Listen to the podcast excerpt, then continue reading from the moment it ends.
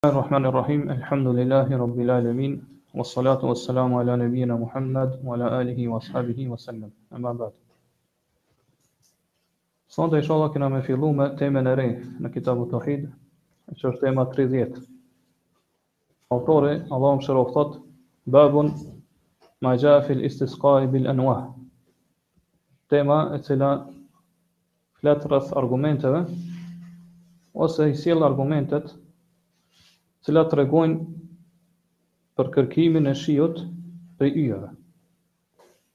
Po pra, cila cili është vendimi gjykimi islam për atë person që kërkon shi përmes yjeve?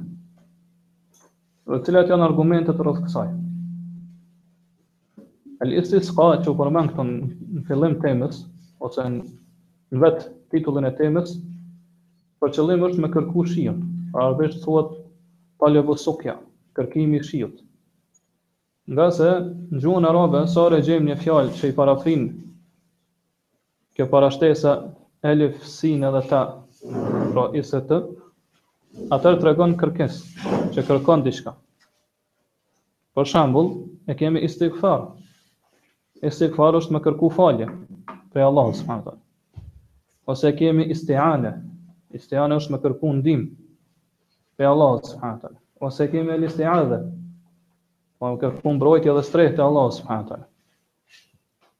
Ose është istihda, me kërku udhëzimin prej Allahut subhanahu wa taala kështu me radhë. Pra zakonisht kur vjen kjo parashtesë tek fjala në gjuhën arabe atëherë tregon kërkesë. Edhe pse nuk është gjithmonë kështu. Pra ndonjëherë nuk tregon për për kërkesë.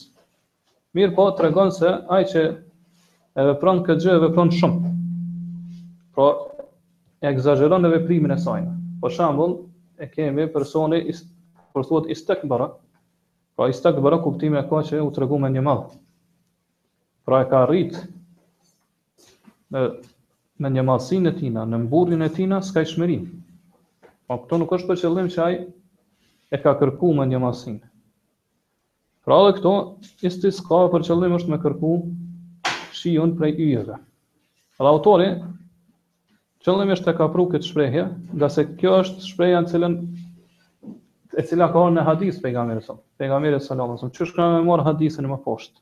Kur e tregon se prej gjërave të xhahilijetit që kanë me mbet te umeti i tina është el istisqa bin nujum me kërku shiun prej yjeve pastaj autori thot el istisqa bil anwa anwa është shumësi i nau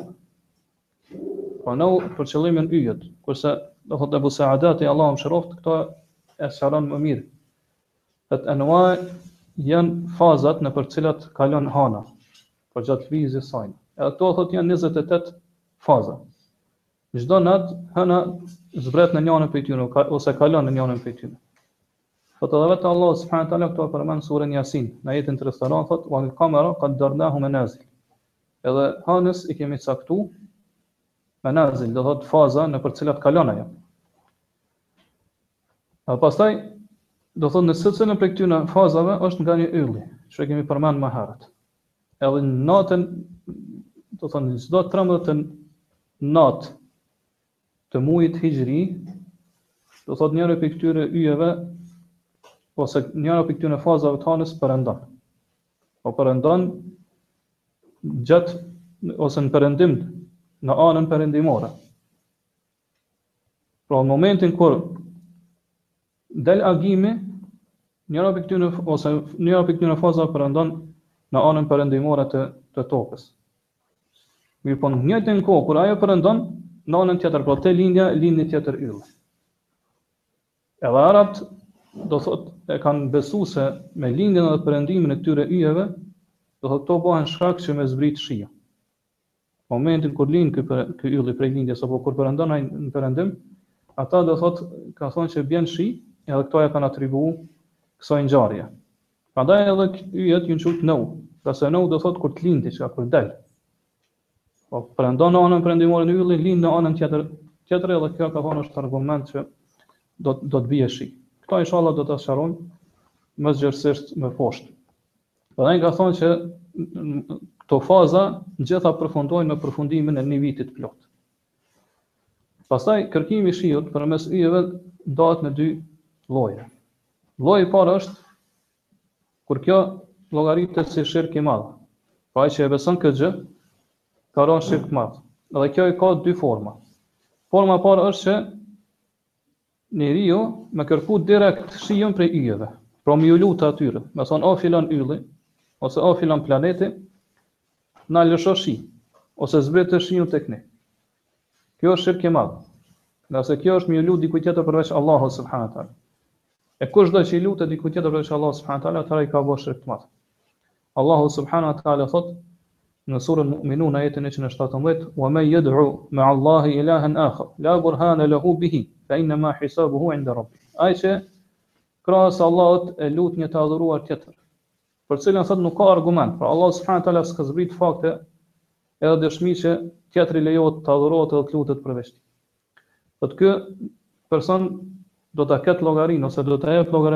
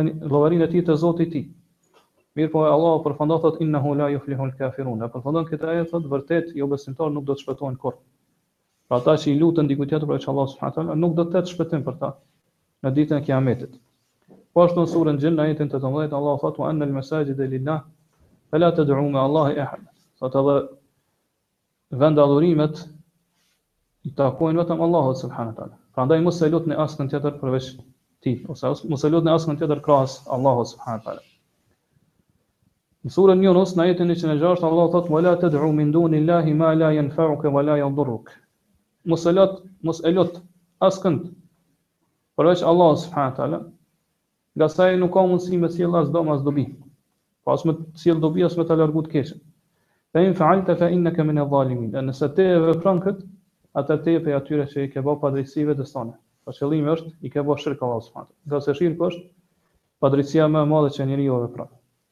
Edhe ajetet janë të shumta të cilat tregojnë se është e ndaluar që dikush tjetër përveç Allahut subhanahu wa taala të lutet edhe të adhurohet. Edhe ai që vepron kështu ka bërë shirk të madh. Forma e dytë është Kur njerëzit, do thotë, besojnë se zbritja e këtyre e shiut ose lëvizja e erërave e kështu me radhë, po këto këtë gjë ja atribuojnë yjeve. Pra po thonë se yjet janë ato të cilat e, e shkaktojnë këtë gjë. Po yjet janë ato të cilat ndikojnë në këto gjëra, pra në ngjarjet në tokë. Prej tyre është në zbritjen e shiut edhe në lëvizjen e erërave. Do thotë yjet, pavarësisht dhe në mënyrë të pavarur prej Allahut subhanahu teala, i veprojnë këto gjëra. Po edhe nëse personi nuk i lut yjet, mirëpo e beson, e ka këtë akide, këtë besim për yjet, atëherë themi se ai ka bërë shirk Allahu subhanahu. Mirëpo shirku i këtij në këtë rast është shirk në rububie. Ngase, qysh e kemi përmend, kjo është, do thotë, gjendja e grupit të parë te ata që e studiojnë ose besojnë shkencën e astrologjisë, të cilët besojnë se gjërat që ndodhin në tokë, po gjitha veprat ose ngjarje që ndodhin në tokë, gjitha janë pasoja, po rezultat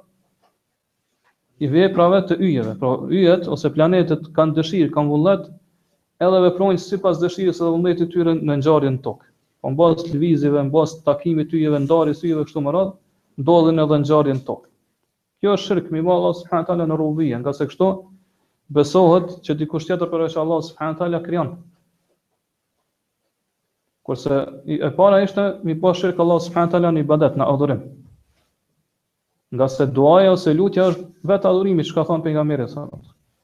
Mirëpo shirku në adhurim, në veten e tij e përfshin edhe përmban edhe shirkun në rububije. Ngase, njeriu kur e lut dikon tjetër përveç Allahut subhanahu teala, në këtë rast për shembull nëse i lut yjet, pse i lut ai? Themi? Ai i lut ngase e beson se do thotë ata kanë kanë mundësi me vepru. Kanë mundësi me ndihmu. Do thotë kanë mundësi që me ja plotësu nevojat e tij, edhe ato gjëra që ky i kërkon prej tij. Po kjo është grupi i parë i atyre i, i, i ose lloji i parë i kërkimit të shiut prej yjeve. I dyta është po mënyra përmes cilës njeriu bën shirk të vogël. E kjo është me besu se këto yje janë vetëm shkak. Pra ata kështu i, i quajnë, pra thonë që yjet janë shkak për me zbrit shiun. Pra ata besojnë se ai i cili krijon edhe vepron në realitet është Allahu subhanahu teala. Mirëpo thonë se do thotë këto yjet janë shkak që me zbrit shiun. Pra kur del ylli, kur të lind apo kur përëndon, kjo është shkak që ylli është shkak sebeb për me ra shi.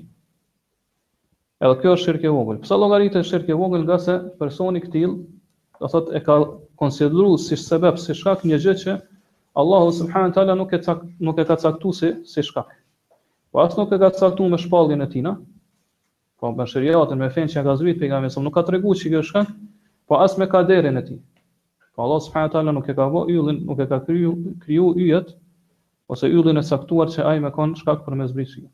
Prandaj ai që beson këtë mënyrë për yjet, ky i ka bo shirk të vogël Allahut subhana teala, i ka bo shirk të vogël Allahut subhana teala. Prandaj po e shohim se kjo temë llogaritet si pjesë ose lloj prej llojeve, prej llojeve temave që kanë qenë pararendëse. Po sidomos temën e fundit që kemi marrë që ka qenë tema rreth astrologjisë. Ngase tema para kësaj që është ajo, on ka qenë e përgjithshme.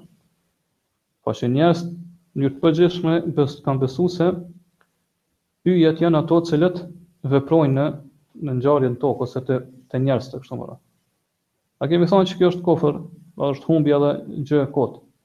Kurse këtu, do në këtë temë, autori po e veçon njënën prej këtyre akideve, itikadeve, besimeve. Ajo është me besu që, do thot yjet e sjellin shinë. Po ose yjet janë shkak për me sjell shinë. Po kështu po po e shohim që kjo temë është më po po e veçon vetëm një prej prej besimeve të kota që kanë të bëjnë rreth besimit në astrologji apo në ndikimin e yjeve në ngjarje në tokë. Po kjo është ajo lidhshmëria apo përshtatshmëria e temës me temat paralajmës. Kurse përshtatshmëria e temës me librin e Teuhidit është ajo që e shpjeguam deri tash se ai i cili ia atribon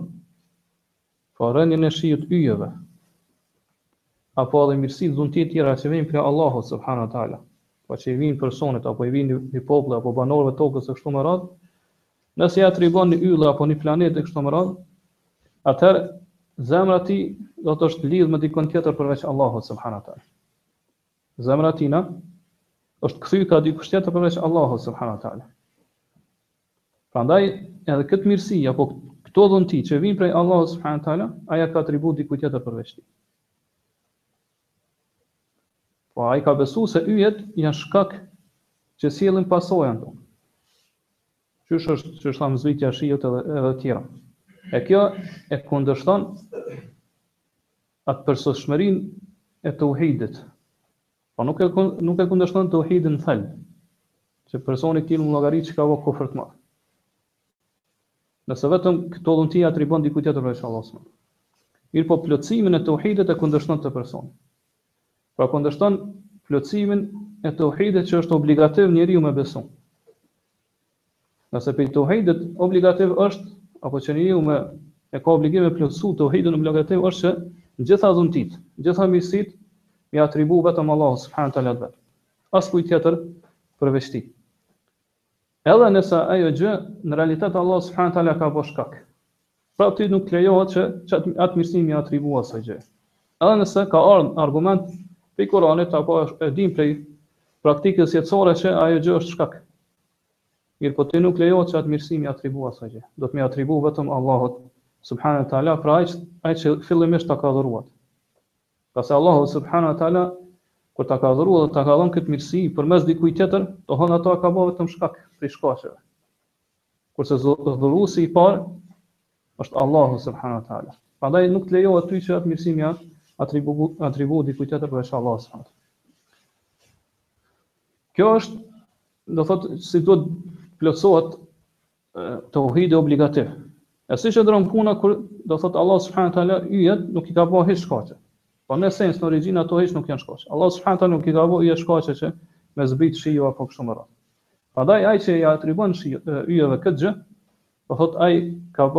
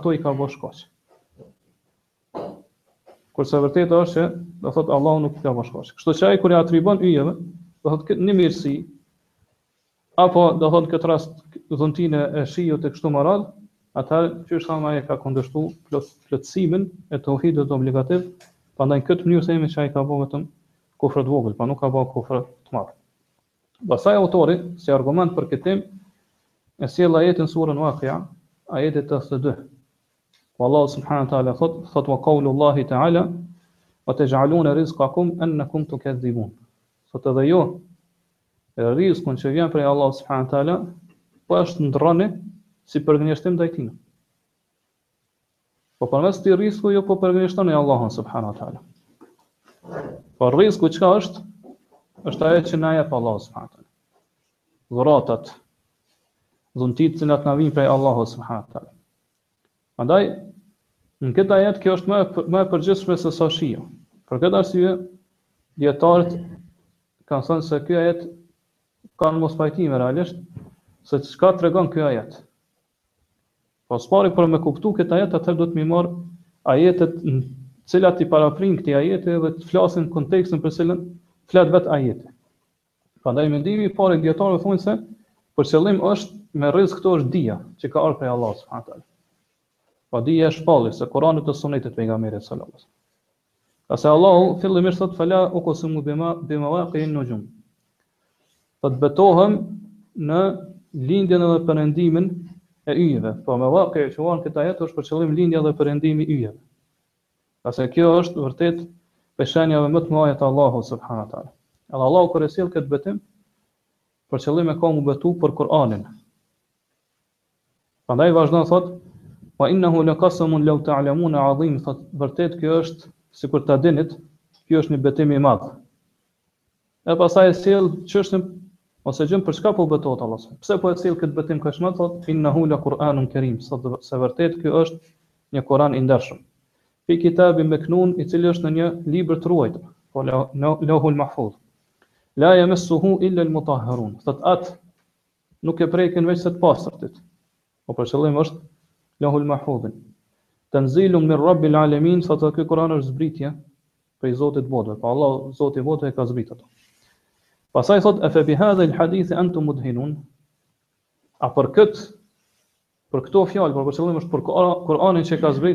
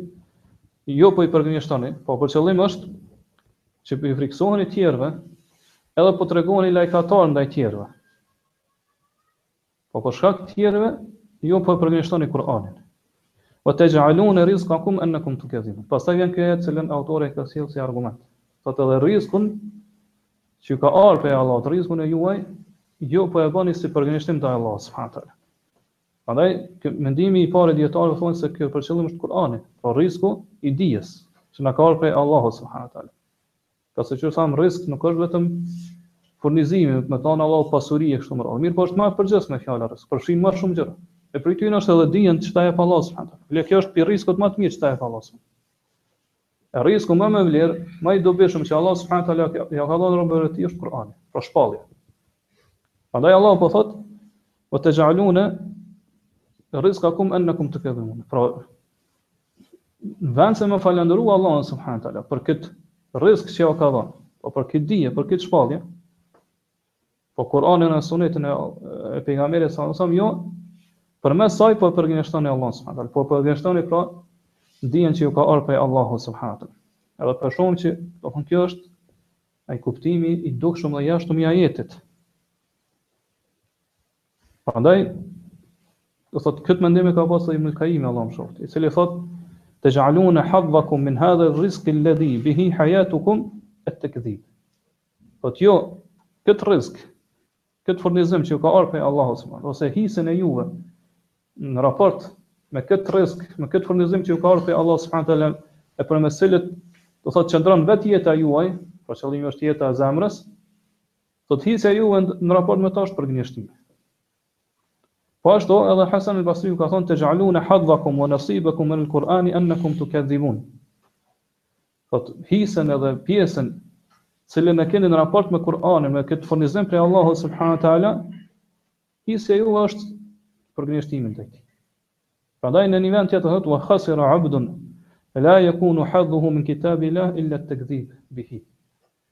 Me të vërtetë ka humbë shumë ai rob, ai njeri që hisja e tij karshi librit të Allahut subhanahu wa taala është përgënjeshtrimi ndaj tij. Pra e kanë përgënjeshtru Kur'anin, kanë thënë se është fjalë e pejgamberit, salallahu alejhi ve selem, është fjalë e filanit, e filanit e kështu me radhë, prandaj Allahu për këtë mirëpo i qorton ashpër se si ka mundësi pas këtij sqarimi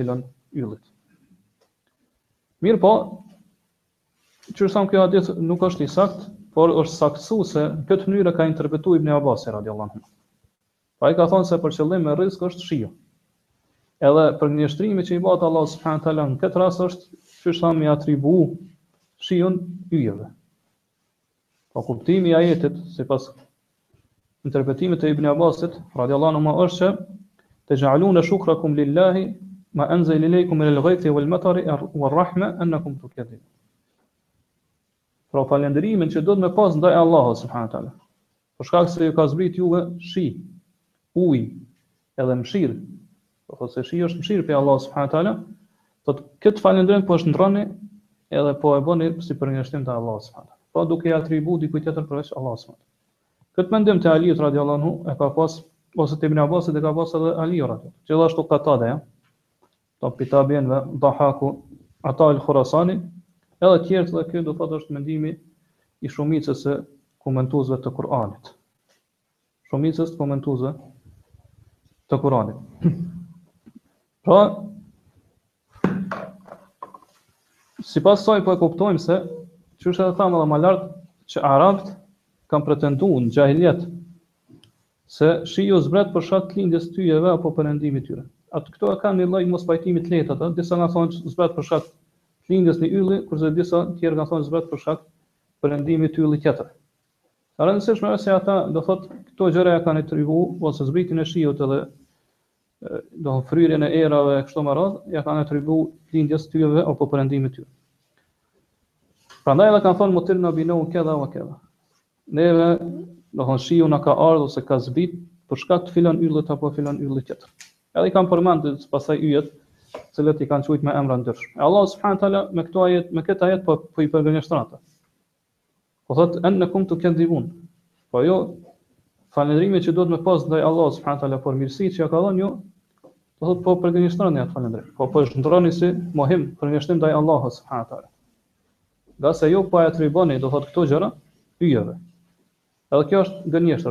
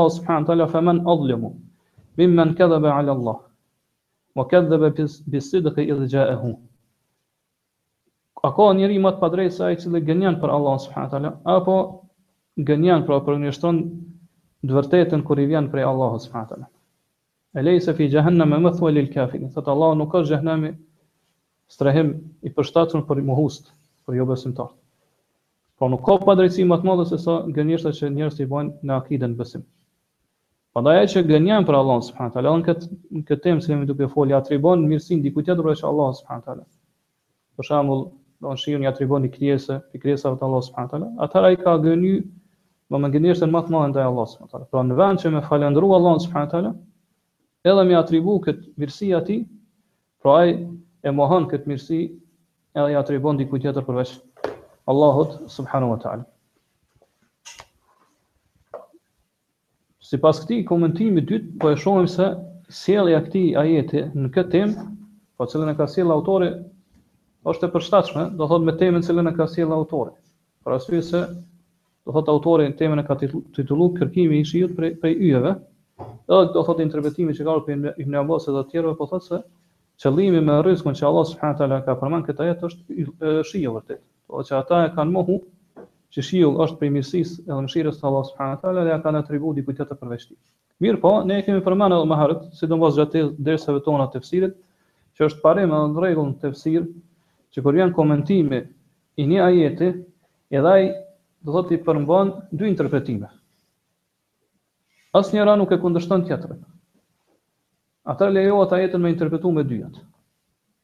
E nëse ato, do thotë interpretime kundërshtojnë njëra-tjetrën, atëherë kërkohet se cila është po mbas argumenteve tjera, cila është më e saktë, edhe cila është më e peshuar me argument. Mirë, po nëse nuk e kundërshtojnë njëra-tjetrën, atëherë ajeti i përmban këto dy interpretime, dy komentime. Edhe në këtë rast themi se këto dy komentime që kanë ardhur prej dijetarëve nuk e kundërshtojnë njëra-tjetrën. Po për qëllim është edhe dija që ka ardhur prej Allahut subhanahu teala si rizk, si furnizim prej Allahut, Mirëpo, gjithashtu, prej rizkut është edhe shiu, ngase thamë se fjala rizk përfshin shumë gjëra. E prej tyre padyshim është shiu, edhe padyshim është edhe dija që na ka ardhur prej Allahut subhanehu te ala. Po përmbledhtë themi se domethënia e këtij ajeti është se Allahu subhanehu te ala po i qorton ashpër ata të cilët falënderimin ndaj furnizimit të Allahut subhanehu te ala e kanë shndërruar si përgënjeshtim dhe mohim ndaj tij. Po kanë treguar mendjemadhësi. Edhe janë largu edhe më shumë prej Allahut subhanahu wa taala. Po në vend se mu afru te Allahu subhanahu wa taala, me qenë mirënjohës dhe me falënderu për këto mirësi, ata janë tregu kryeneç, mendjemdhaj, edhe janë largu prej Allahut edhe s'e kanë falënderu, pra këtë këto mirësi ia kanë atribu dikujt tjetër veç Allahut subhanahu. Ngase si duhet të jetë falënderimi edhe mirënjohja për një mirësi, për një rizk që na vjen prej Allahut subhanahu. E para është me besu ata.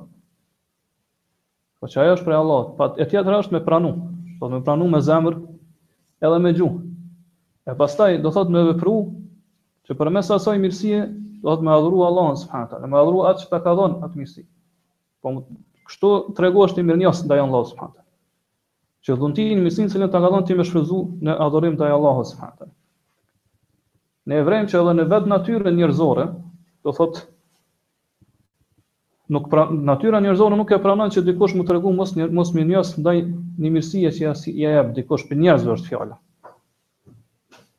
Po kjo është e papranueshme tek tek tek njeriu. Po i ka ardhë një, një e mirë prej dikujt atëherë që tregohet mosfalënderues, mosmirënjohës, kjo është e papranueshme.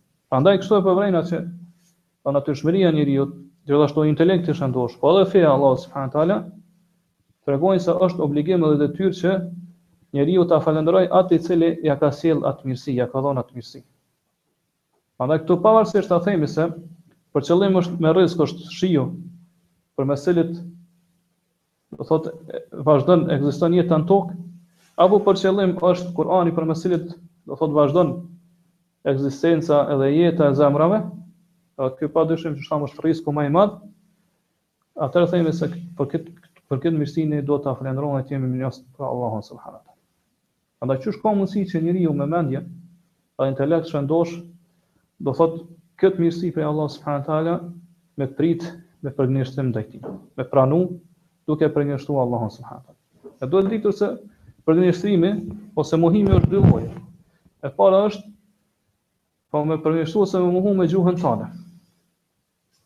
Po me gjuhën tande, me cilën flet ti. Po nëse është fjala për, do të thotë, rizkun që është për për qëllim Kur'ani, atëherë do të thotë që Kur'ani është rran, është gënjeshtër. S'e ka thënë atë Allahu subhanahu taala s'e ka zbritur Allahu, është thënia e Muhamedit sallallahu alaihi wasallam kështu më radh. Apo nëse është për qëllim shiu, është me thanë që ky shi ka ra për shkak të filan yllit apo yllit tjetër. Mënyra e dytë e përgënjeshtrimit është, arabisht i thojn bilisan el hal, me gjuhën e gjendjes tënde. Pra ti edhe pse nuk fol, mirëpo me zemrën tënde e beson se, pra i respekton dhe i madhron yjet, edhe planetet e ndryshme, edhe beson se ato janë shkak për me zbrit këtë shi.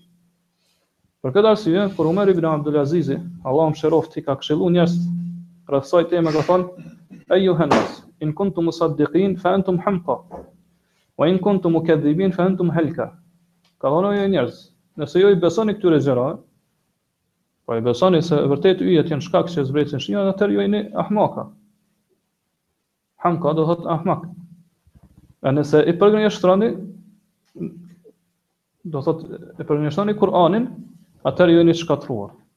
Edhe kjo është e saktë, kjo është e vërtetë. Ose kuptimi është që do thotë nëse ju e besoni Kur'anin, librin e Allahut subhanahu teala, mirë po nuk punoni me të, atëherë ju jeni ahmak. Kurse nëse përgënjeshtroni atëherë jeni shkatruar. Po çdo njeri i cili bën mëkat Allahut subhanahu teala është mëkatar, atëherë i themi atina, do thotë këtë gjendje, këto në këto momente që është. Nëse ti e din edhe beson bindshëm se çfarë pasoja të presin kur e bën këtë mëkat, çfarë ndëshkimi. Atëherë të vërtet, do thotë nuk, nuk je i mençëm, s'po tregon mençuri me këto. Ngase e din çfarë ndëshkimi të pret edhe ti po e banë këtë mëkat. Po nëse e beson, atëherë nuk tregohesh i mençur, madje siç po thotë Omer ibn Abdulazizi, do thot je ahmak. Mirë po, nëse e përgënjeshtron këto, nëse e përgënjeshtron, do thot këto atëherë do thot fatkeqësia është më e madhe ngase në këtë rast bohesh bohesh kafir, bohesh jo besimtar dhe je i shkatruar.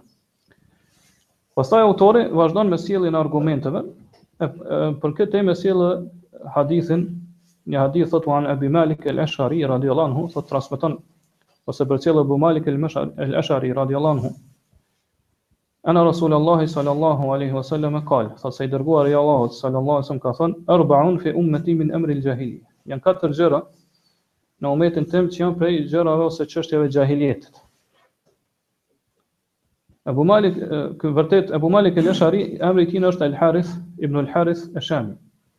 Pra është prej shokëve të pejgamberit sallallahu alaihi wasallam dhe i vetmi që ka transmetu prej tina është Abu Salami.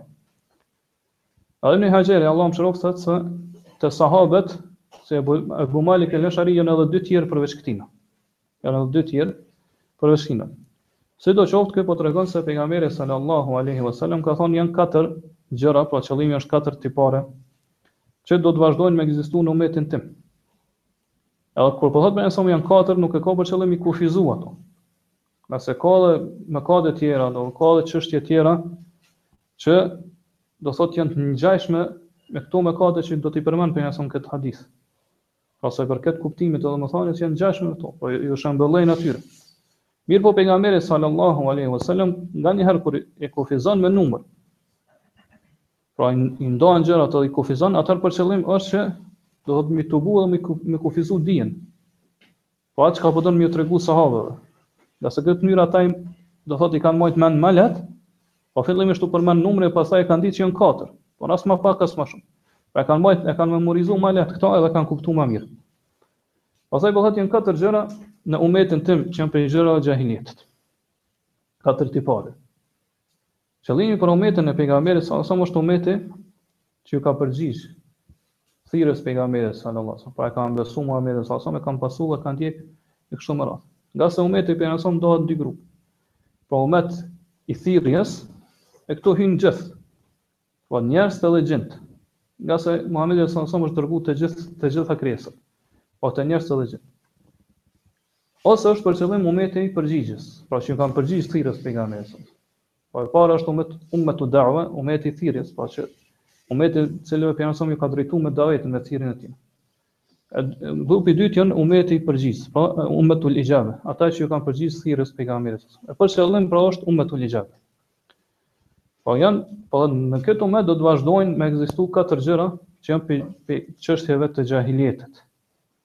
Po pejgamberi sa këto katër gjëra po ja atribuon xhahiljetit e për qëllim, do thotë, ka me këto fjalë ka pasur që me tregu shëmtinë e tyre. Edhe me distancu me i largu njerëzit sa më shumë prej tyre, po mos me i vepru ato, përderisa janë prej xhahiljetit. Ngase kur i thotë një personi se po kjo gjë është ose kjo vepër të cilën ti po e bën është prej xhahiljetit,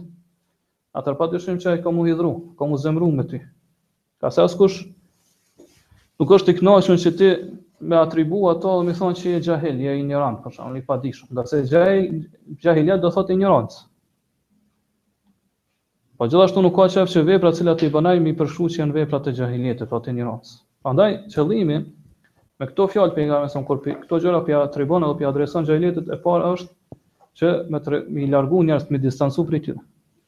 Po me tregu shëmtinë e tyre. Edhe e dyta është se kur përsërit se këto gjëra gjitha janë prej xhahiljetit, po, do të thotë se te gjitha këto gjëra ka xhehl, ka injorancë. Edhe ka, do thot, nëse njeriu vazhdon me i praktiku, që sa më herët është ahmak, po tregon atë budallakin e tina. Ngase nuk, nuk i takon njeriut të mençur, ai me intelekt të shëndoshë, do thot me i kushtu rëndësi këtyre gjërave dhe me i vepru ato. Ai që ju kushton rëndësi, ai është xhahil, është i padijshëm. Edhe qëllimi me xhahiljet këtu është xhahiljeti që ka qenë para shpalljes.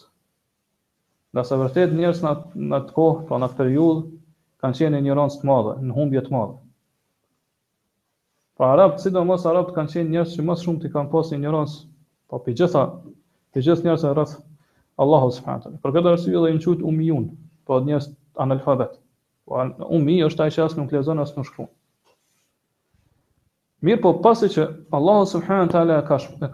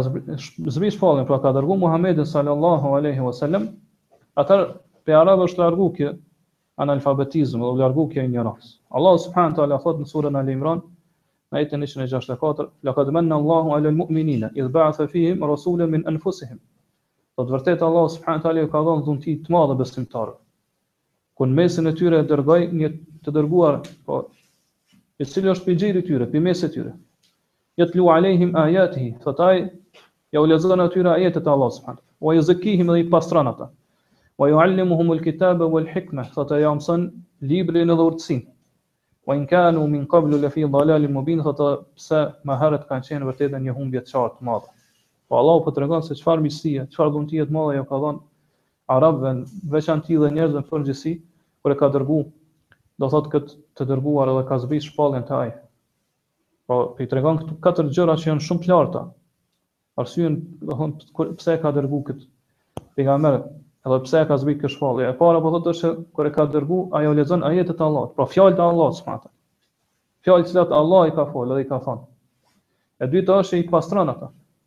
Po i pastron moralet e tyre, sjelljet e tyre.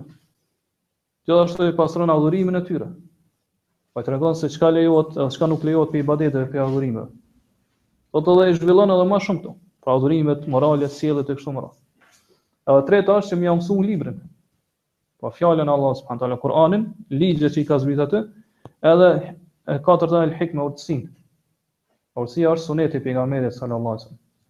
Kto janë janë katër mirësi shumë të mëdha që na kanë ardhur prej Allahut subhanahu wa taala, shumë madhështore. Nëse vetëm njëra prej tyre do të peshohet me këtë dunjan edhe çka ka në të, kjo do të peshonte më shumë. Po do ta peshonte këtë dunjan edhe gjitha mirësitë që janë në këtë dunja. Mirë, po kjo është për atë që e kupton vlerën edhe rëndësinë e këtyre katër gjërave.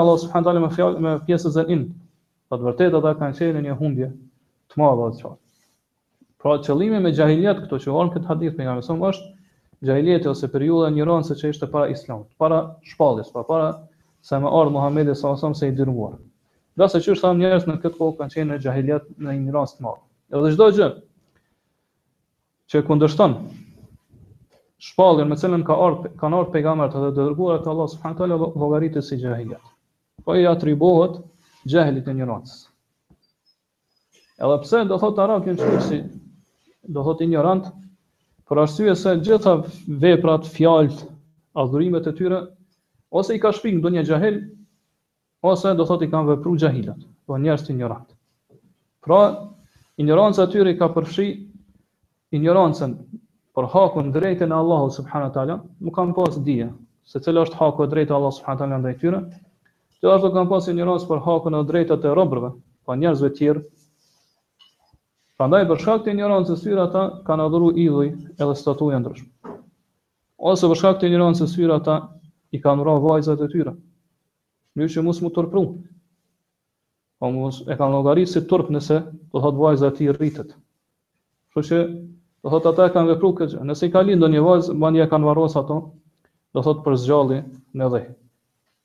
Po kjo qëllimi është që mos me e kaplu turpi, edhe do thot mos me mos me e godit atë varfëria sipas pretendimeve të tyre.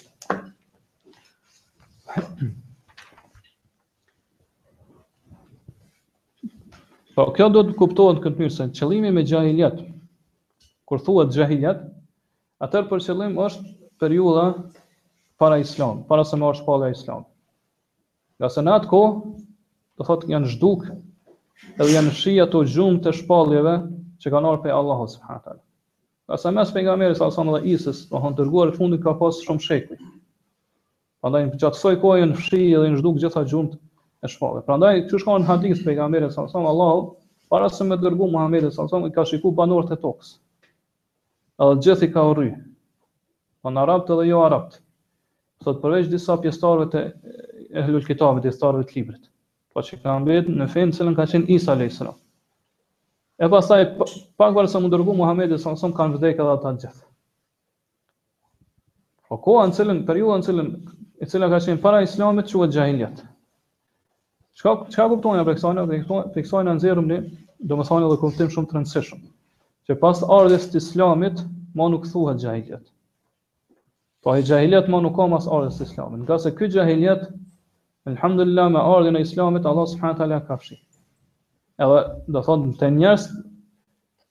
Edhe te një grup i njerëzve vazhdimisht ka me vazhdu me ekzistu dija. Pra muslimant, po e kanë trashëgu dijen, cilën e ka lënë pejgamberi, sallallahu alaihi wasallam. Dijetarët, pastaj nxënësat e tyre, kështu me radhë. Kështu që xhahilijeti i përgjithshëm, është largu me ardhjën e Muhammedit, sallallahu alaihi wasallam. Mirëpo, siç po e shohim këtë hadith, Kanë mbetë në mesin disa pjesë ose disa veçori, disa tipare të xhahiletit, disa çështje. Ka mundësi me mbetë te disa individë të këtij ummeti ose në disa grupe në mesin e muslimanëve. Mirpo të thuhet se gjithë njerëzit janë në xhahilet, siç e kanë thënë disa mendimtarë ose shkrimtarë islam, kjo është domethënë e kot, edhe nuk është e saktë. Po disa prej shkrimtarëve ose mendimtarëve që kanë shkruar rreth islamit, Thotë Shejh Fozani disa injorant e përshkruajnë këtë kohë dhe këtë periudhë thonë që është koha e xhahilijetit, pra u kthy edhe një herë koha e xhahilijetit siç ka qenë para Islamit. Ose thonë xhahilijeti i shekullit 20 apo shekullit 21 kështu me. Po kjo mënyra e të shprehurit është gabim.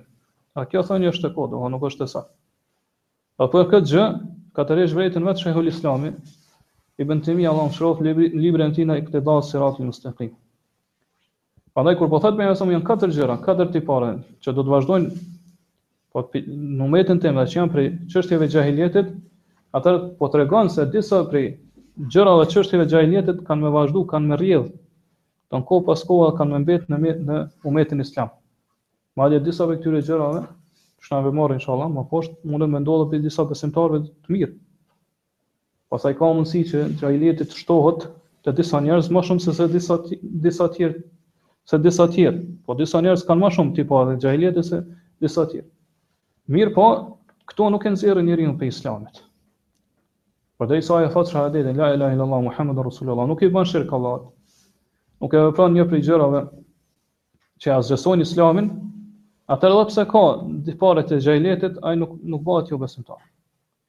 Po qëllimi me këto është me sqaru se teprimet që i bajnë disa prej shkrimtarëve që e quajnë veten shkrimtar islam apo mendimtar islam edhe thonë se e përshkruajnë këtë kohë që ne përjetojmë po ose domethënë shekullin e kalum që është shekulli i xhahiljetit ose krejt njerëzit tash janë duke jetu në xhahiljet edhe krejt kjo është e kotë edhe domethënë këto gjëra nuk e thotë një dijetar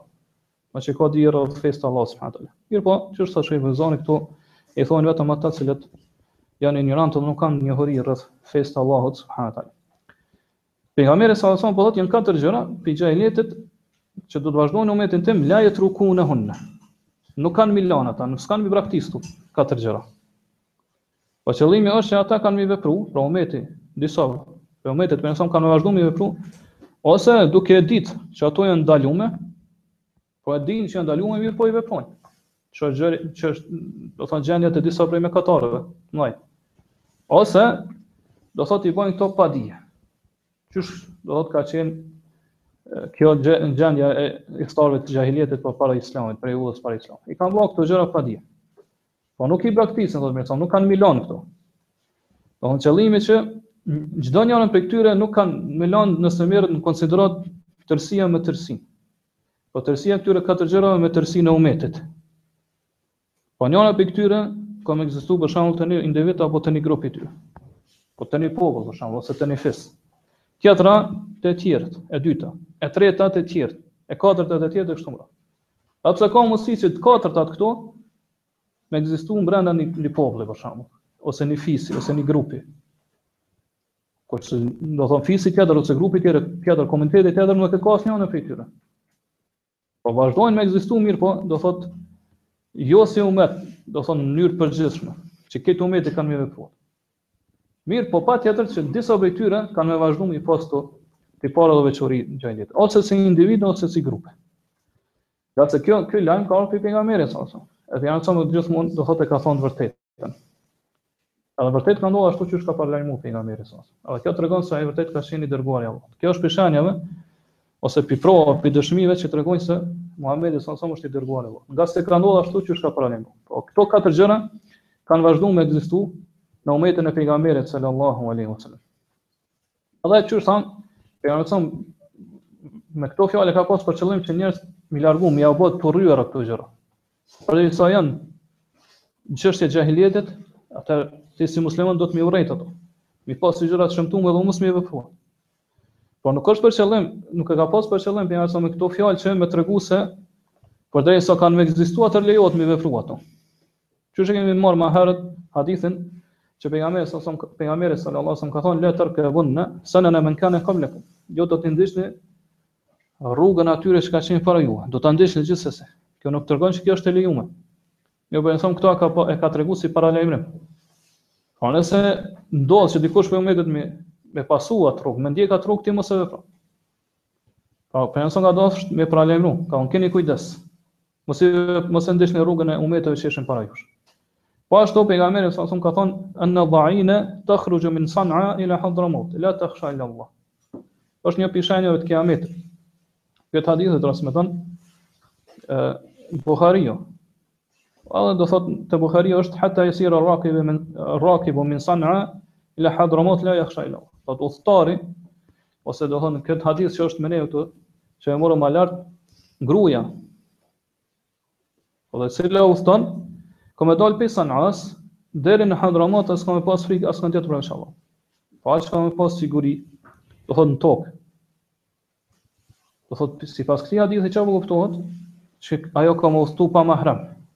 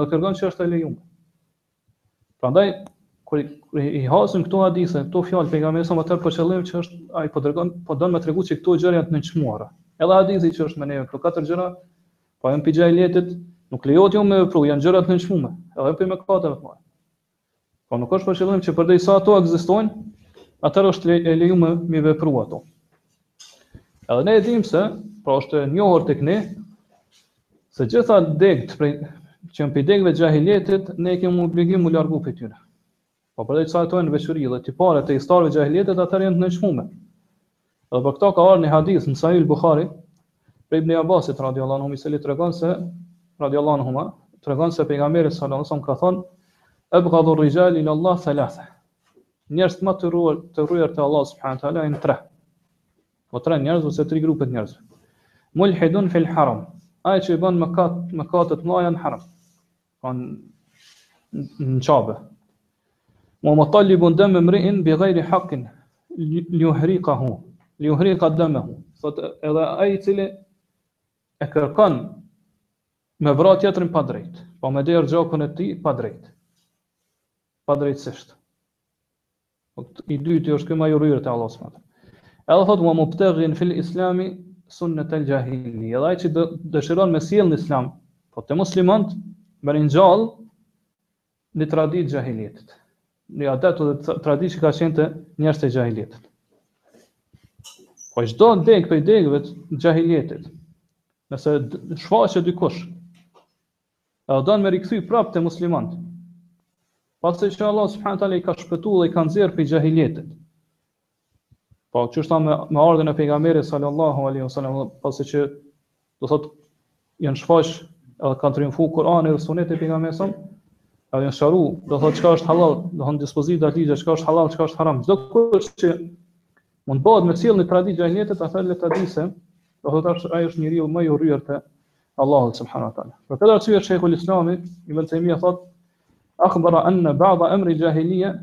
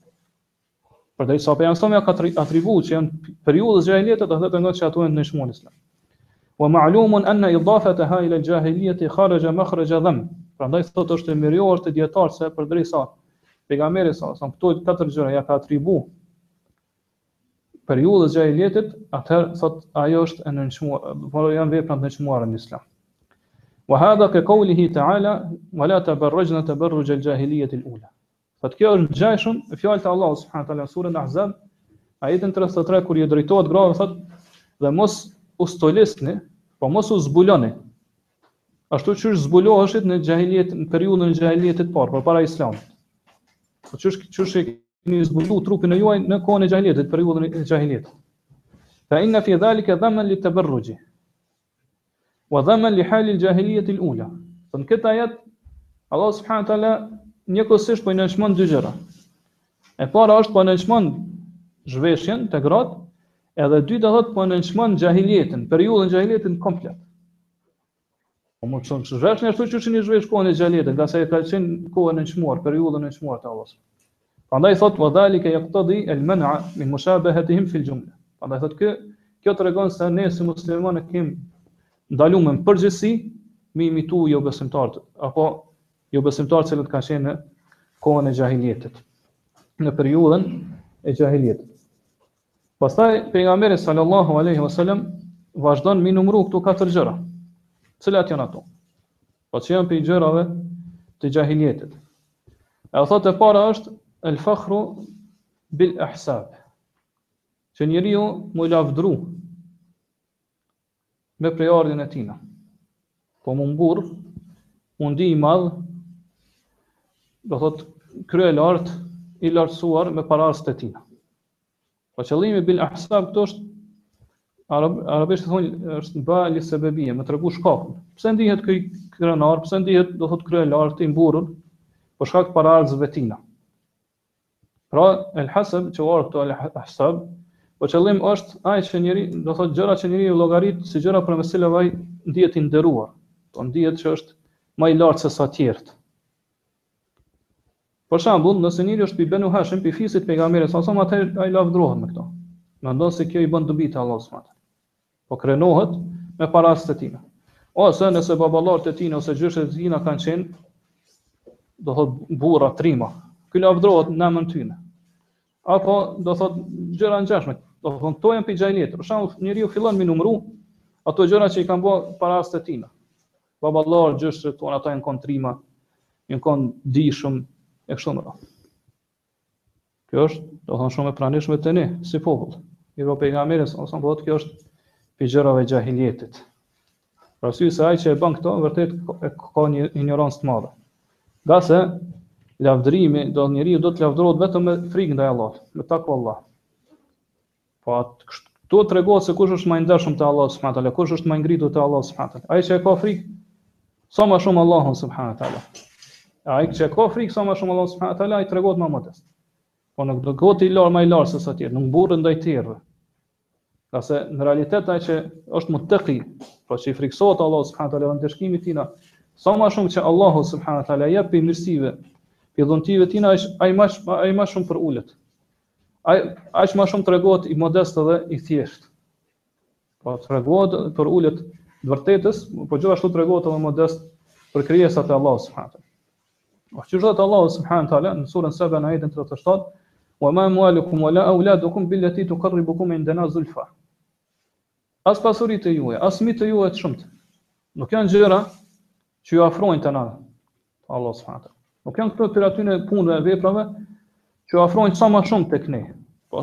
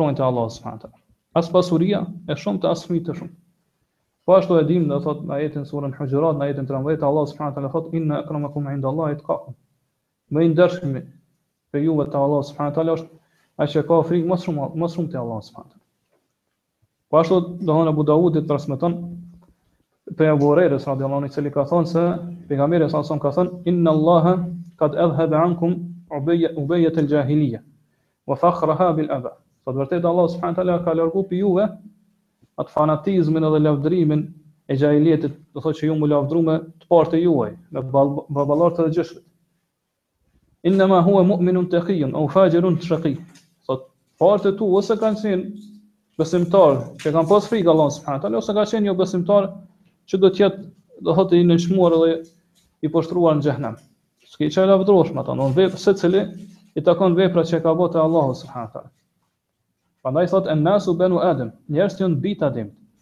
Wa Ademu khul wa Ademu khuliqa min turab. Kurse Ademi thotë është krijuar prej dheut.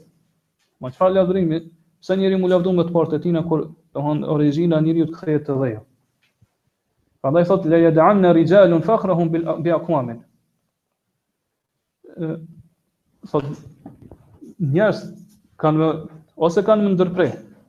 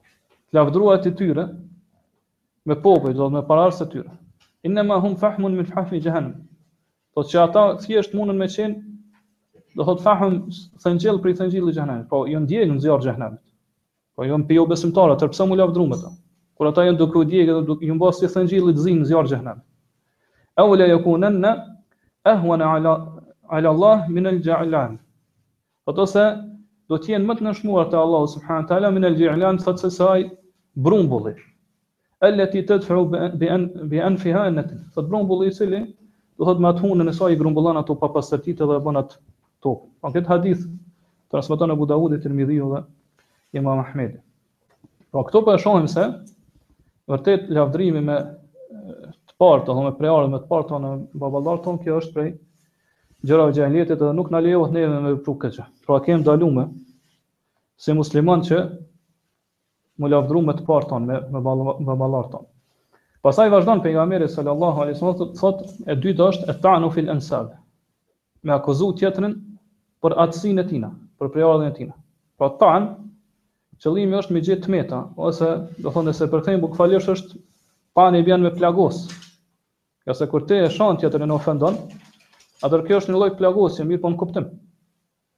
Po ashtu qysh njeriu plagoset, për shembull, nëse i vjen malaria ose kolera ose një sëmundje do thotë i bën plagë nëpër trupin e tina, ngjajshëm është kur ti do thotë ofendon tjetrin edhe shon tjetrin në prejardhjen e tina ose në babën e tina, në nënën e tina kështu më radh. Për këtë arsye do thotë me me, me turpru tjetrin në arabisht quhet ta'n, do sikur me plagos atë. Pra qëllimi është me akuzu tjetrin në ensab, pra qëllimi është neseb, prejardhje. Po ensab është origjina, prejardhja prej nga vjen njeriu dhe t'afërmit e tina. Edhe kjo qysh ndodh kjo për shembull, që njeriu akuzon tjetrin ose e shon tjetrin, ose me ia sho të afërmit e tij, babën, nanën, familjen, gjyshin e kështu me radh, po ai ja nënçmon, ja shon, ja ofendon. Ose do thotë e akuzon për vetë prejardhjen e tij. Për shembull thotë që ti nuk je i biri i filanit. Po e akuzon që është fëmijë jashtë ligjshëm. Kjo do thotë i ka ka dy kuptime kjo kjo pjesë e hadithit. Thot, ose do thot e, e turpron, ose do thot e qorton, e, e shon e ofendon për pasardhës të tina, ose për atësin e tina. Për shembull, Ebu Dherri radijallahu anhu, në një rast, e ka nënshmu një njeri, pra e ka, e ka turpru një prej sahabëve,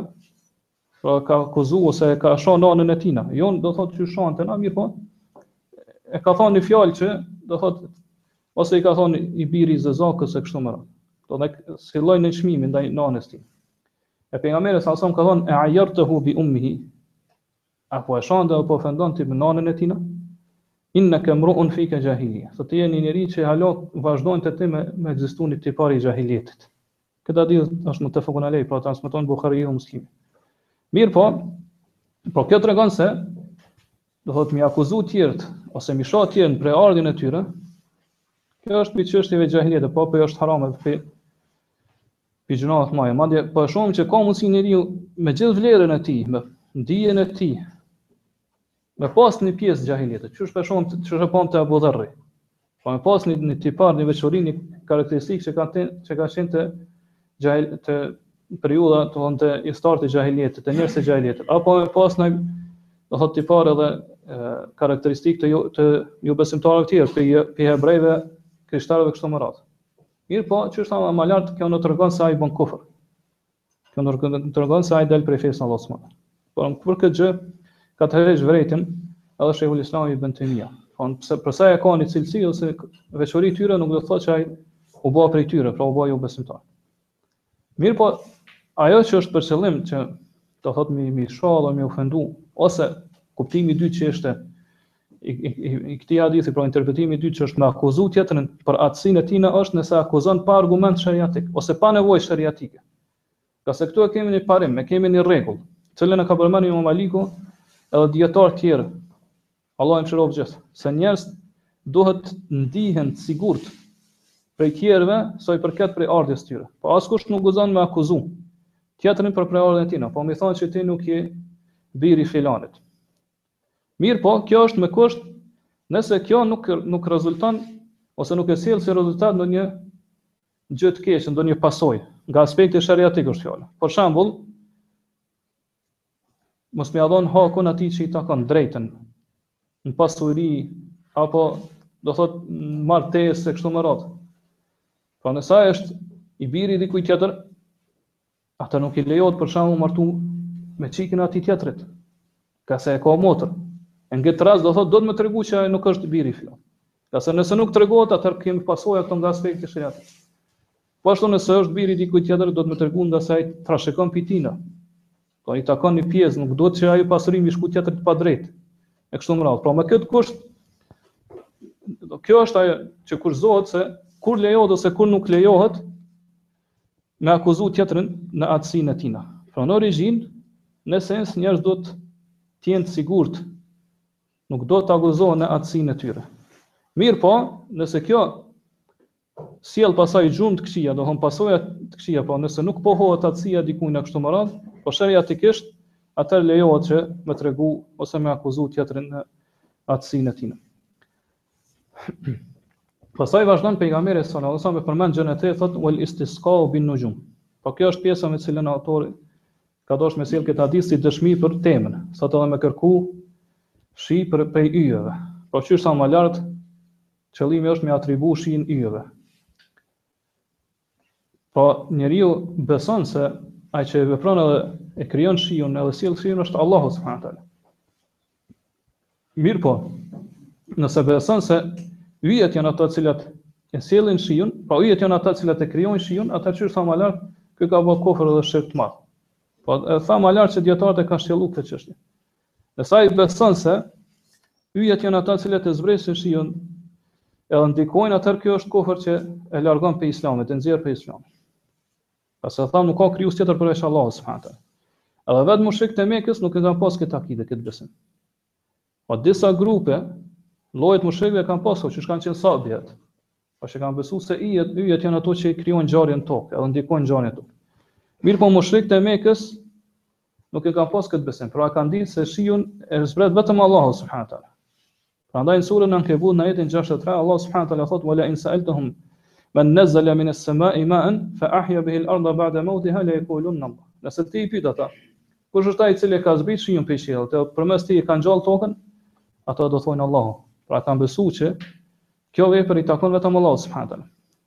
Edhe nuk është për qëllim, do thotë, ë kuptimi i hadithit ky, ngase pejgamberi po tregon se këto gjëra do të vazhdojnë me ekzistuar në umetin e tina.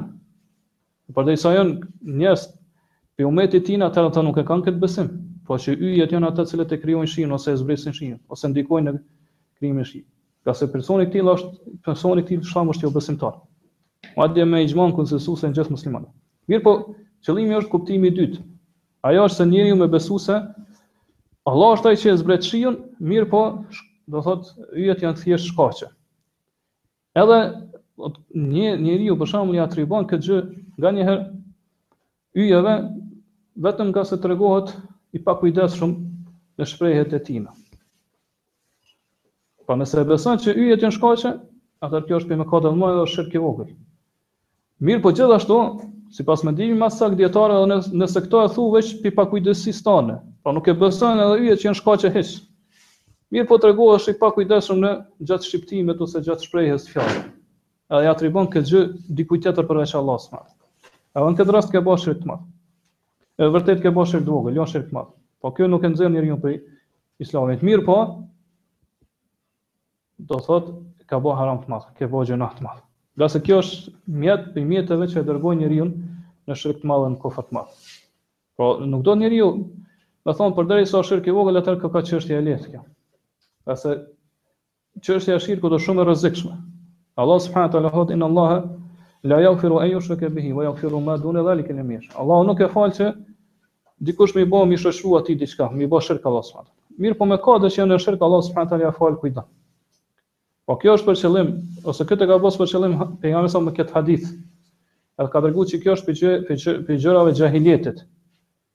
Mirëpo po e mohon pejgamberi sallallahu alejhi we selam dhe po e zhvlerëson, po i zhvlerëson këto, po tregon kotësinë e tij. Edhe po tregon se kjo ka me vazhduar me ekzistuar te ky umet. Edhe vërtet është që kjo ka vazhduar me ekzistuar te ky umet edhe në ditët e sotme. Po pejgamberi këto fjalë i ka thonë për me mbrojt kufijtë, për me mbrojt kufijtë e teuhidit. Po që njerëzit me i largu sa o ma shumë. Po që as si fjalë ty, as, as si metaforë, as si alegori nuk lejohet me thonë që shiu ka ra, do thotë, për shkak se ka lindë ose ka përëndu filan yll apo filan planet. Po as, edhe nëse tregohesh i pakujdesshëm, apo neglizhent, gjatë fjalëve tua, ka njerëz që nuk i kushtojnë rëndësi fjalëve që i nxjerrin prej gjuhës. I bërë nëse thu këtë fjalë atëherë ke bërë shirk. Edhe nëse nuk e ke pasë për qëllim. Po kështu pejgamberi ka dashur me i mbyll rrugët që çojnë drejt shirkut, me i rujt kufijtë e shirkut në mënyrën më të mirë. Edhe nëse thjesht janë shprehje, do thotë që njeriu nuk i ka, do thotë thjesht, do thotë nuk i ka për qëllim. Po si raste kemi shumë në raste të shumta në kohën e pejgamberit sa son. Pra, ka thonë, ka një person i ka thonë mashallahu ue shite. Çfarë don, çfarë don Allahu, çfarë don ti bëhet?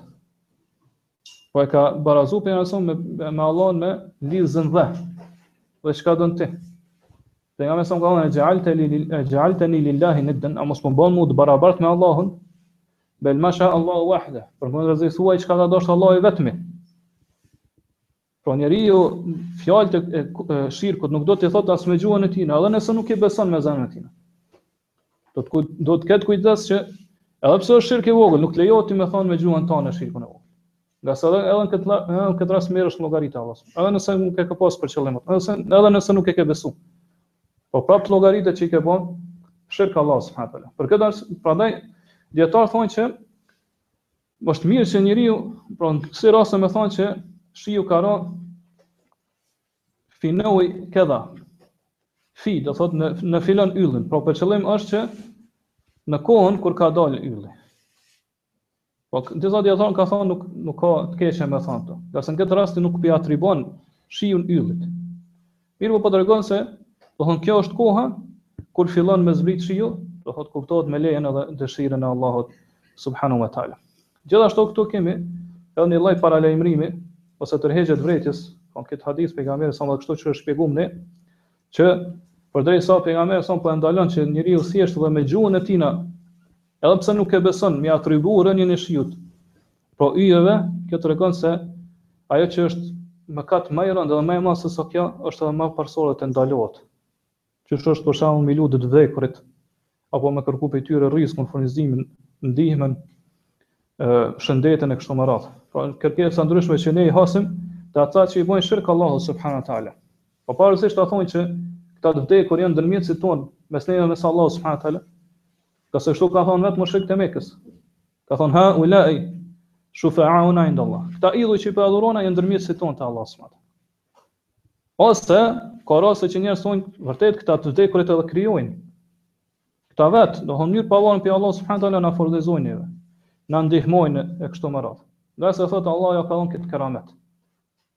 E pa dyshim që kjo është shirk i madh. Edhe këto e hasim te disa prej atyre që i adhurojnë varret edhe të vdekurit.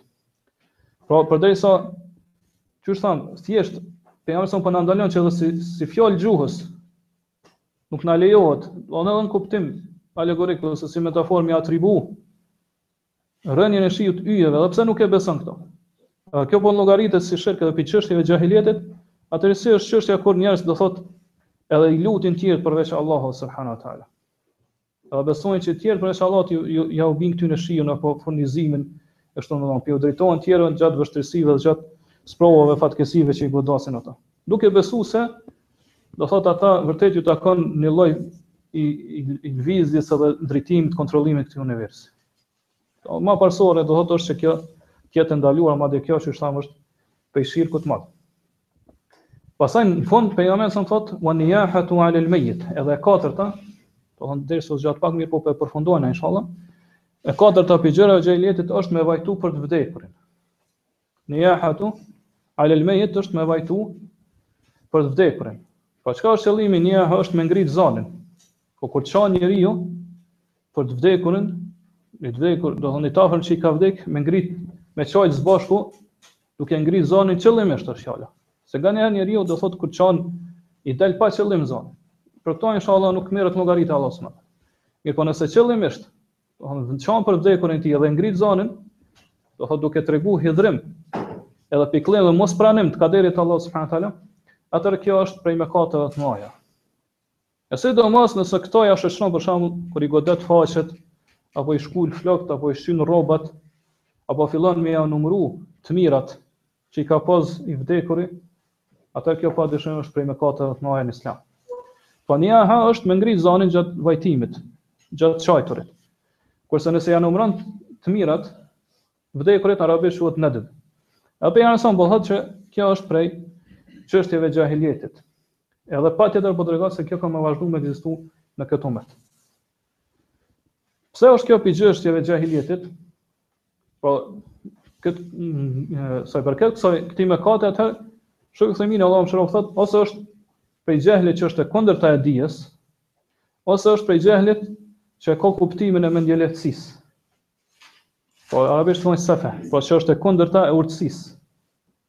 Thot pra kjo është pi xhahilietit për këto dy arsye ngase thot e para është se ai i cili e vepron këtë gjë, pra vajton me zo, pastaj do thot bën edhe vepra tjera. Thot e para është që kjo veç ja shton edhe më shumë pikëllimin atij. Ja shton edhe më shumë vujtjet. Po kjo nuk ia largon atina atë fatkeqësi as vujtjet që e kanë e kanë goditur, as pikëllimin. Po për këtë arsye kjo është edhe është injorancë, padije, mirëpo është edhe mendjelehtësi. E dyta është se përmes saj na njeriu tregon hidhrohet dhe nuk e pranon kaderin e kadanë e Allahut subhanahu, caktimin e Allahut. Por e kundërshton Allah subhanahu taala në vendimet edhe gjykimet e tij. E gjithashtu tregon edep, sjellje jo të mirë, do në sjellje të keqe në raport me Allahun subhanahu Po personi i tillë, kjo është argument dhe provë që personi i tillë nuk personi i tillë nuk ka sabër, durim, që është obligim me pas njeriu gjatë sprovave. Edhe gjithashtu nuk llogarit në shpërblimin e Allahut subhanahu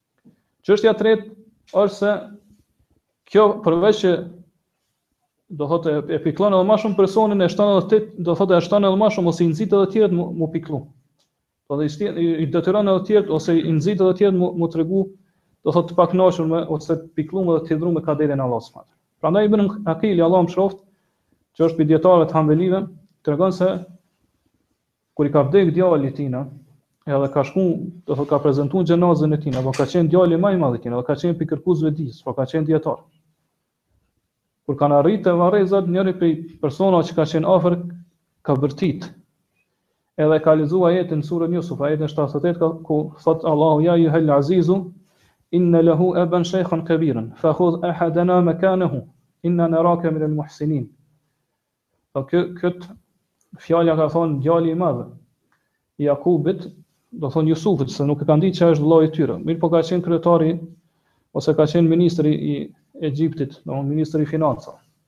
E ka thonë o ti Aziz, pra o ti njeri me peshë. Pra i ngritur.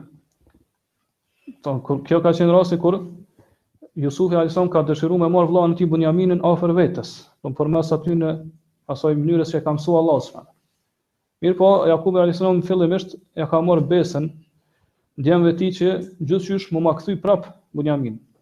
Nejse kjo është ngjarje e gjatë. Mirëpo, do thotë ai ka lexu këtë ajet si dëshmi dhe ka thënë që ky e ka një babë t'vjetër.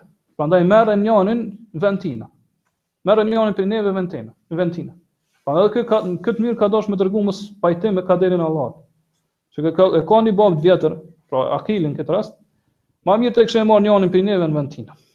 E do thotë Ibn Akili Allahu e mëshiroft, i ka thonë Inna al-Qur'anu innama nazala li taskin al-ahzan. Thot Kurani ka zbrit, vërtet Kurani ka zbrit me qetësu, me qetësu pikëllimin e njeriut, me largu pikëllimin. Wa laysa li tahij al-ahzan. E jo që me ia shtu edhe më shumë pikëllimin. Kështu që nuk bën me argumentu me këto ajete,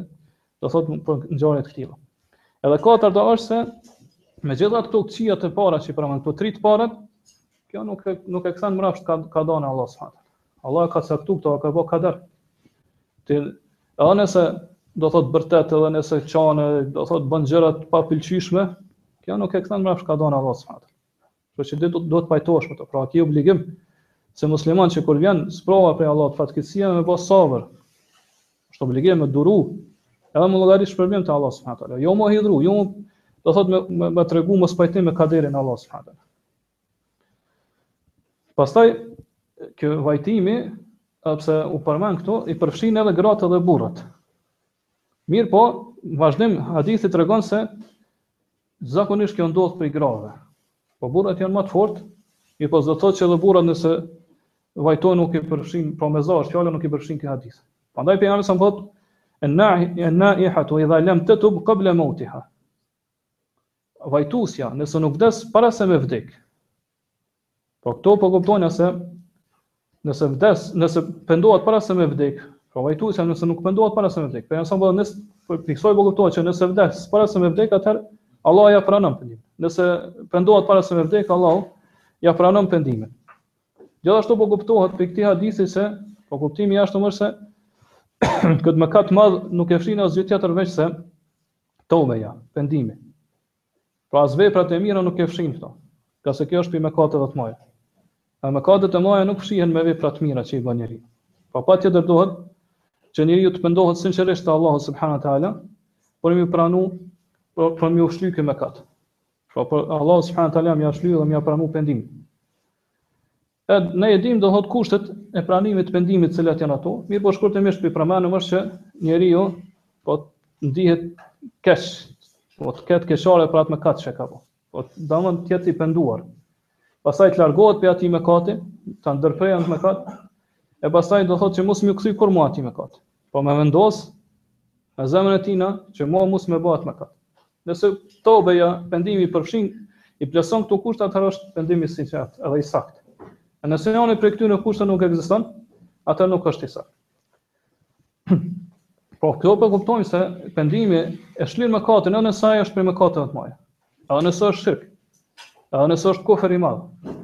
Pra teubeja i shlyn të gjitha mëkatet që janë bë më herët.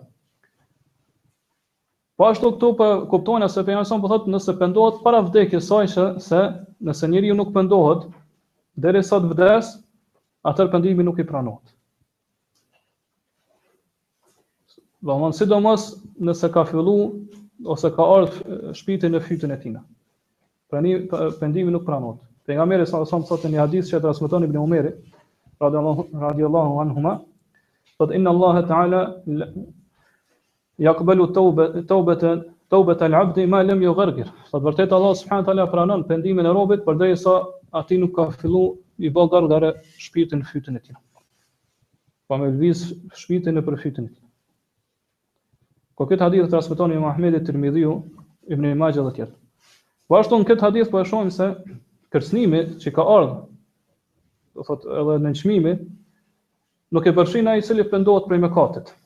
Edhe kjo është me ixhmanë konsensusin e gjithë dijetarëve. Mirpo ajo që përfitojmë prej kësaj është se nëse ti e sheh ose e din një person që i ka bërë këto mëkate të mëdha, ajo nuk do të thuhet se do thot atë gjithsesi do ta përfshi dënimi i Allahut subhanahu wa taala dhe do thot ndëshkimi i Allahut subhanahu wa taala.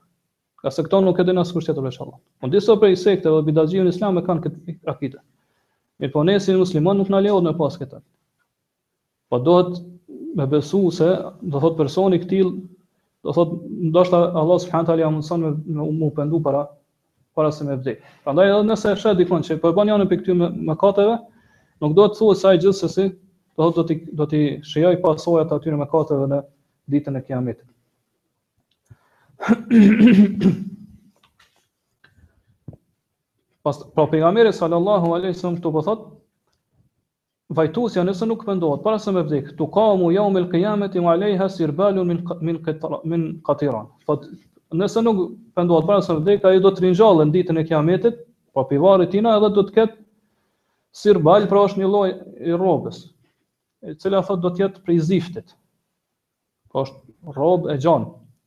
Edhe do të jetë prej prej ziftit. Kurse Ibn Abbasi thotë që qëllimi me katiran këtu është, do thotë ai bakri i shkrir. Kështu transmetohet pe Ibn Abbas. Gjithashtu po thotë wa dir'un min jarab. Edhe do ta ketë edhe një mantel prej pe zgjebes. Pra zgjeba është dihet zhuga do thotë që e përmendim ne që e, e, e bën do thotë të shqyn lëkurën e shqyn lëkurën e njeriut edhe do thotë i shkakton kruarje. E nganjëherë do thotë nëse kjo zgjeba që kemi marrë më herët i godet kafshët, atëherë mundet edhe me shkaktu vdekjen e tyre. Por këtu pejgamberi sallallahu alajhi wasallam po tregon se lëkura e saj do thotë do të jetë sigurisht se rrobë, do të thotë e cila do të jetë prej zgjebes. Edhe kur të bashkohen do thotë edhe katrani do thotë edhe zifti, edhe zgjeba atëherë do të shtohet edhe më shumë fatkeqësi.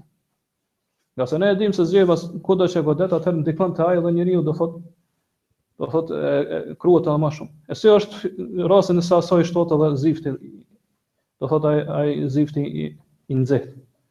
Kurtubi Allahu e mëshiroftë kur e shpjegon kët hadith thotë se për qëllim është se do thonë këto gra do të lyhen me zift. Do të thotë zifti do t'i bëhet si rrobë. Në mënyrë thotë që kur ndëshkohen pastaj dhe djegen me zjarr xhehenemit, atëherë me, me shiju edhe ma shumë,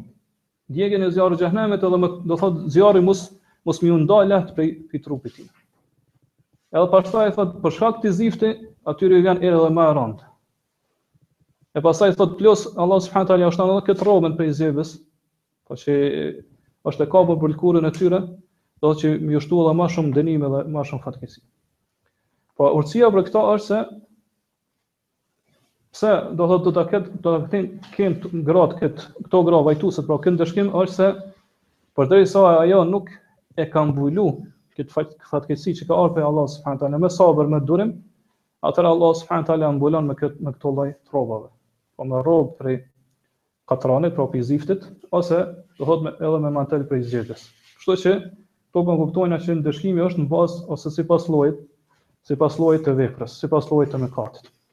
A kështu do thotë këtu përfundon shpjegimi i këtij hadithi, mirëpo ne për po i përmendim shkurt dobitë që përfitohen prej këtij hadith. Pra e para është që thamë më më lart se tu po pohohet vërtetësia e pejgamberit sallallahu alajhi wasallam si si i dërguar i Allahut, pra shpallja që ka dhënë Allahu. Ngase ai ka Ka paralajmëruar për disa gjëra, që janë prej gjërave të gajbit, po gjëra që do ndodhin në të ardhmen edhe ashtu ka ndodhur siç ka paralajmëruar pejgamberi sallallahu alajhi wasallam. E dyta është se pejgamberi sallallahu alajhi wasallam po na tërheq vërejtën apo na mëson që me, do të thotë me me i urry edhe m'i pa sa më të shëmtume këto gjëra dhe m'u largu prej tyre. Këto katër gjëra që përmend këtë hadith. E treta është se po tregon se vajtimi është prej mëkateve të mëdha. Ngase, thotë për këtë, pejgamberi po tregon se ka kërcënim të madh dhe ndëshkim të madh në ditën e Kiametit. Edhe kjo është si kriter që çdo mëkat për cilën ka ardhur një kërcënim ose një dënim ditën e Kiametit, ai është prej mëkateve të mëdha. Dobia e katërt është se mëkatet e mëdha nuk shlyhen përmes veprave të mira. Se pejgamberi po thotë, idha lem tetub kable mevtiha. Nëse vajtuesja nuk, para, para, nuk pendohet para vdekjes saj. Pra nuk pendohet para vdekjes saj, ky mëkat nuk, nuk ia shlyejnë mëkatet vepra tjera të mira që i ka bërë. E pesta është se prej kushteve, tobes ose të pendimit është që me konë para vdekjes.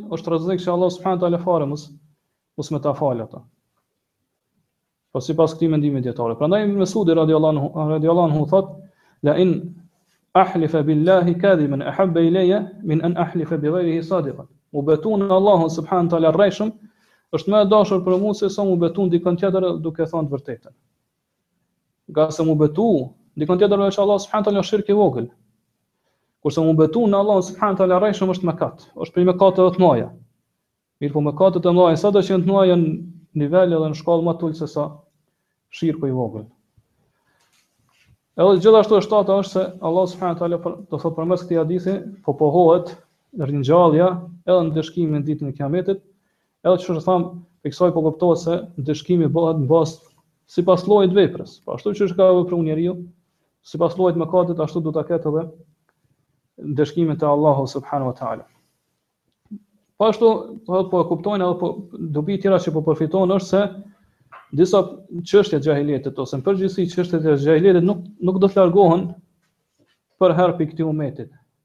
Po përfundimisht, patjetër që disa prej tyre kanë me mbetë në mesin e muslimanëve.